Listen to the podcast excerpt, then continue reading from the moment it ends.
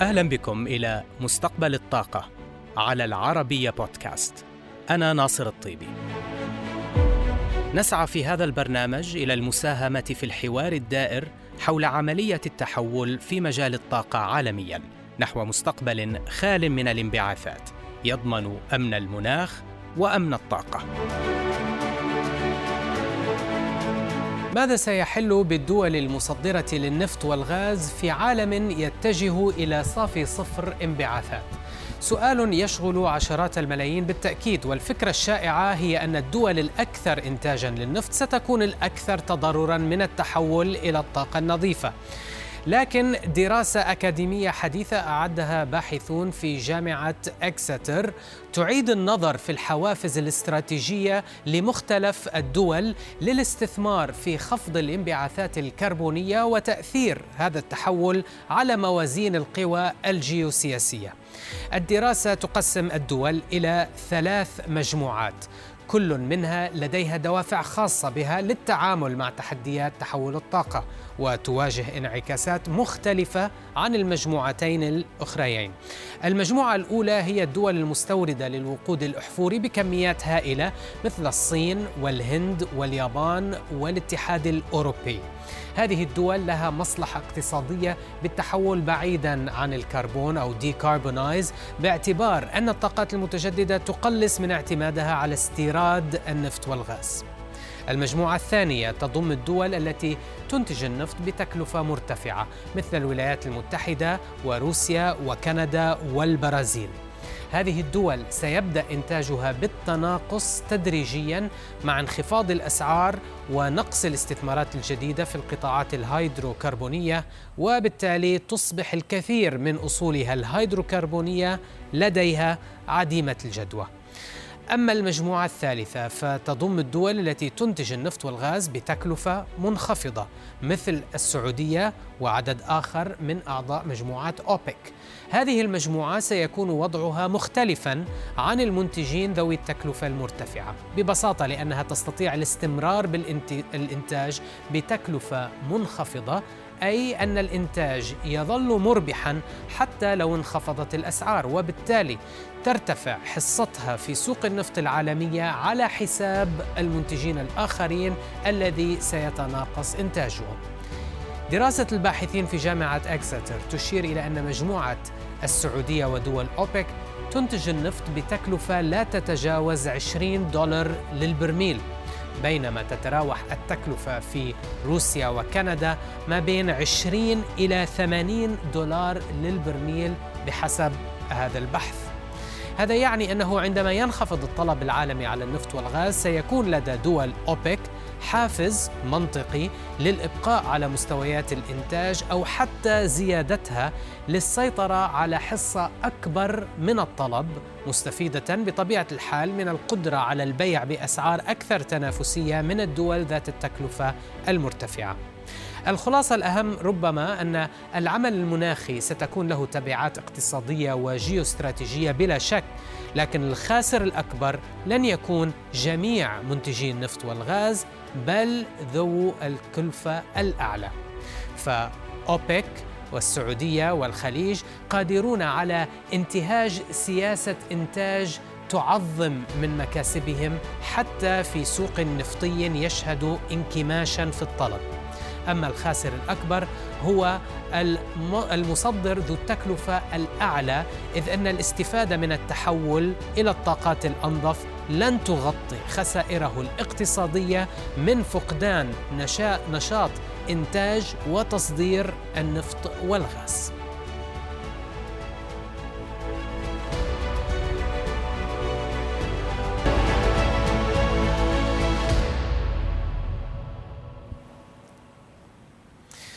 وفي عالم صافي صفر انبعاثات يبرز دور كبير للهيدروجين الذي يتوقع كثيرون أن يكون وقود المستقبل.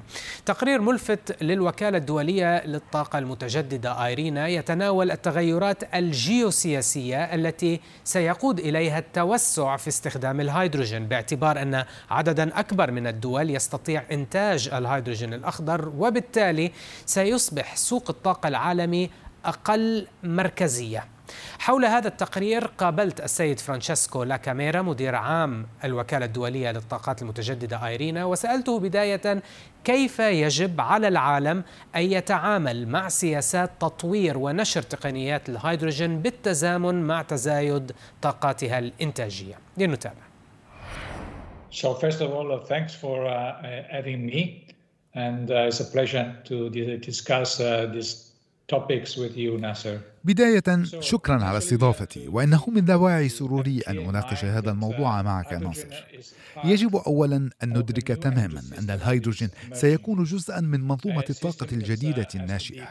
هذه المنظومة التي يجب أن تكون متوافقة مع المسار الذي سيوصلنا إلى الحياد الكربوني بحلول عام 2050 لنحقق بذلك مستهدفات اتفاقية باريس للمناخ في هذا الإطار قمنا في أيدينا بمناسبة جمعيتنا العمومية التي عقدت منتصف شهر يناير الماضي بإصدار تقرير جديد عن التداعيات الجيوسياسية للهيدروجين. وهنا أريد أن أؤكد أن الهيدروجين لن يكون عنصرا منفردا بحد ذاته بل جزءا من منظومة طاقة جديدة تنبثق اليوم. ستهيمن عليها الطاقات المتجددة وسيكون الهيدروجين الأخضر فيها عاملا مكملا إلى جانب الطاقة من الكتل العضوية هذا لا يعني أبدا أننا سنقوم بالتخلي فورا عن منظومة الطاقة الحالية. لكن هناك مسار واضح يجب أن نسلكه إذا ما أردنا بناء منظومة جديدة متماشية مع مستهدفات اتفاقية باريس للمناخ وقادرة على مكافحة التغير المناخي. الهيدروجين لن يكون النفط الجديد كما تؤكدون في تقريركم آه، الأخير، لكنكم لا ترون بأنه سيكون وقود بديل أيضا، بل عنصرا سيغير قواعد المنظومة بأكملها. اشرح لنا كيف ترى آه، آه، هذا التغيير الجذري سيحصل وما الذي سيقوده. So just to understand also what would be the weight of hydrogen دعنا ندرك الحجم الذي سيشغله الهيدروجين في منظومة الطاقة الجديدة التي تنشأ اليوم. نتوقع أن يساهم الهيدروجين وتحديدا الأخضر بتلبية نحو 12% من الاستهلاك النهائي للطاقة بحلول عام 2050. ولإنتاج هذا الهيدروجين الذي سيكون أخضر في جله سنحتاج إلى الطاقات المتجددة والجميع سيكون مؤهلا لإنتاجه لأن معظم الدول لديها القدرة للوصول إلى أشعة الشمس والرياح والماء الذي يحتاجه إنتاج الهيدروجين الأخضر باستخدام أجهزة التحليل الكهربائي للماء. هذه الميزة من شأنها أن تغير الجغرافيا السياسية. طبعا ستبقى هناك مساحة لإنتاج الهيدروجين من الغاز واستخدام تقنيات احتجاز الكربون وتخزينه فيما يطلق عليه الهيدروجين الأزرق لا سيما خلال المرحلة الانتقالية. هذه التطورات تعيدنا إلى السؤال الذي طرحته علي، حيث أن العديد من الدول التي لا تتمتع باحتياطيات من النفط والغاز ستلجأ إلى إنتاج الهيدروجين، وبالتالي ستشهد السوق بروز عدد كبير من المنتجين وهذا سيخل بتوازنات منظومة الطاقة الحالية التي تعتمد على منظومة مركزية أساسها النفط والغاز. وبالتالي سندخل في منظومة جديدة لا مركزية. يشارك بها عدد أكبر من اللاعبين. ستعتمد فيها التنافسية بشكل رئيسي على مدى انخفاض كلفة إنتاج الطاقة وسهولة التصدير. هذان العاملان سيحددان تصميم منظومة المستقبل والتي كما نشير في تقريرنا ستكون منظومة إقليمية أكثر منها عالمية. will be more regionalized. That's worldwide working. في اعتقادكم الهيدروجين سيغير العلاقات الجيوسياسية عالميا في المستقبل وترون أن التغيرات الجيوسياسية للهيدروجين النظيف ستظهر من خلال عدة مراحل متعاقبة ما هي هذه المراحل وما هو الجدول الزمني لظهورها؟ So uh, we have to, to see uh, and to look at this process يجب علينا متابعة كيفية تطور العملية فقبل سنوات عدة اعتقدت معظم المؤسسات البحثية والفكرية أن الهيدروجين الأخضر لن يكون تنافسيا من حيث الكلفة قبل عام 2050 لكننا بعد ذلك في أيرينا أثبتنا للجميع وبشكل واضح أن الهيدروجين الأخضر سيكون ذا جدوى اقتصادية بنهاية العقد الحالي. واليوم بالإمكان إنتاجه بكلفة دولار واحد للكيلوغرام. وهناك بعض الشركات التي أظهرت أن إنتاجها سيصبح تنافسيا من حيث الكلفة بحلول عام 2025 إن لم يصبح كذلك قبل الموعد. كما أننا رأينا كيف بدأت الإمارات والسعودية بتصدير شحنات من الهيدروجين حول العالم على هيئة أمونيا. هذا كله يثبت لنا أن العملية تتسارع وأن الهيدروجين النظيف سيصبح تنافسيا من حيث الكلفة عما قريب خصوصا في الدول المنتجة للغاز إذ إنها مهيئة لإنتاج الهيدروجين الأزرق خلال المرحلة الانتقالية. حيث نتوقع أن يشكل الهيدروجين الأزرق نحو 30% من إنتاج الهيدروجين عام 2050 طبعا هذه الحصة قد تتغير في تقديراتنا المقبلة لكنها لن تحيد عن هذا الرقم بشكل كبير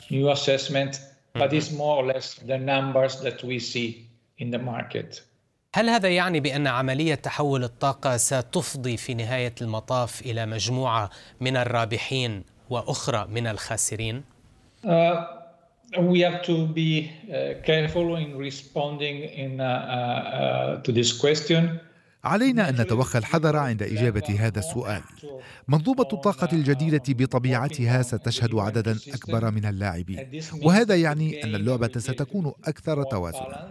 فعدد الدول التي تهيمن على سوق الطاقة سينخفض ولكن هذا لا يعني بالضرورة أن تلك الدول ستكون خاسرة حيث ستستمر الحاجة إلى الطاقة لتحقيق النمو الاقتصادي في جميع أنحاء العالم. أنا لا أحب أن أتحدث عن رابحين وخاسرين المنظومة الجديدة ستكون لا مركزية بشكل أكبر وجميع الدول ستحظى بفرصة لتحقيق مكاسب خاصة بها وفي هذا السياق من الضروري على الحكومات عند تشييدها لهذه المنظومة الجديدة أن تأخذ بعين الاعتبار ضرورة بناء منظومة تفضي إلى حالة أقل من عدم المساواة في العالم.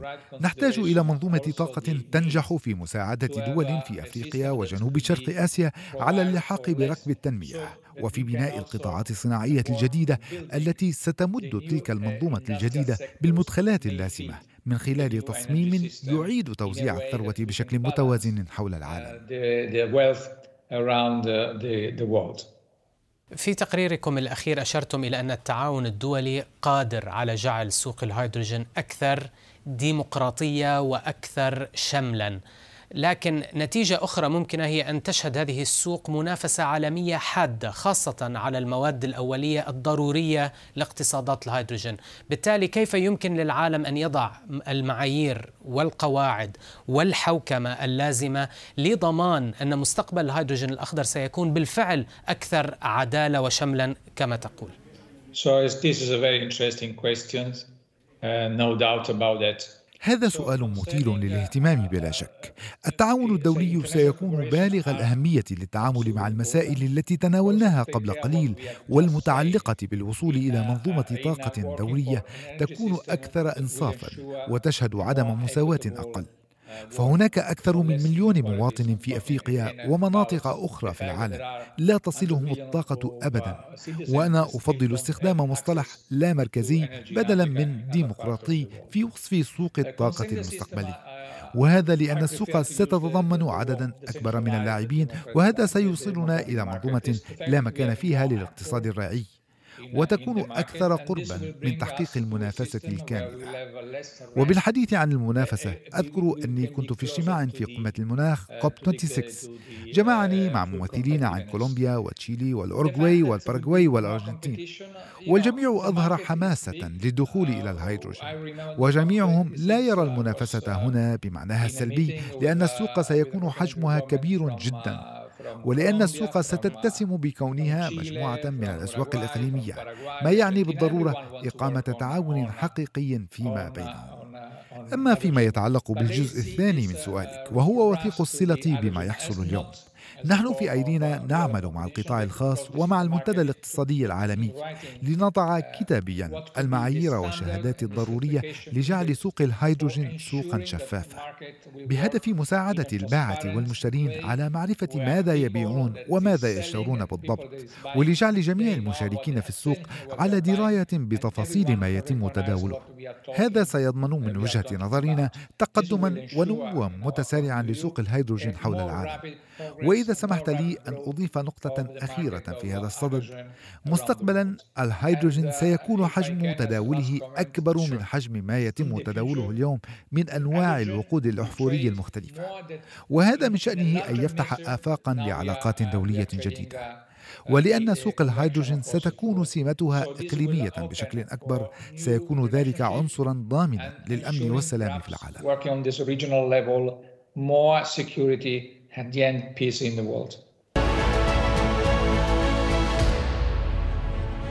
العديد من الإشارات اللافتة وردت في تقرير أوبك الشهري ولو أن المنظمة أبقت توقعاتها للطلب العالمي على النفط بلا تغيير للعام الحالي. قدر تقرير أوبك نمو الطلب ب 4.2 مليون برميل يوميا هذا العام وهو نفس التوقع الوارد في تقريره الشهري السابق. وبذلك يصل الطلب العالمي على النفط إلى 100 مليون و800 ألف برميل يوميا. وسيكون هذا رقما قياسيا للطلب على النفط كمعدل سنوي بزيادة 700 ألف برميل يوميا عن معدل الطلب في عام 2019 وهي السنة الأخيرة قبل الجائحة. وتشير أوبك إلى أن هناك إمكانية لتعديل توقعات الطلب بالزيادة لهذا العام فيما يشهد الاقتصاد العالمي انتعاشا قويا من الجائحة واستفادة قطاعات منها السياحة والطيران. الإشارات الأكثر أهمية تأتي في جانب العرض. أوبك تقول إن إنتاجها النفطي ارتفع 64 ألف برميل يوميا في شهر يناير. وهو ما يقل عن الزيادة التي تعهدت بها بموجب اتفاق أوبك بلس والمحددة ب 254 ألف برميل يوميا. هذا يعطي إشارة إلى الصعوبات التي تواجهها بعض الدول من داخل أوبك ومن حلفائها في أوبك بلس في زيادة الإنتاج للوصول إلى مستويات الكوتا الخاصة بها. لكن الوضع سيكون مختلفا بالنسبة للدول المحورية في أوبك التي سترتفع حصصها بشكل ملحوظ عند مراجعة الخط الأساس للإنتاج في شهر مايو المقبل لزيادته ب 1.6 مليون برميل يوميا عدا طبعا الزيادات الشهرية التدريجية ب 400 ألف برميل يوميا. والصورة الأكثر تعبيرا بالنسبة للدول من خارج أوبك. فإمداداتها نمت ب 600 ألف برميل يوميا فقط في عام 2021 بأكمله لتصل إلى 63 مليون و600 ألف برميل يوميا.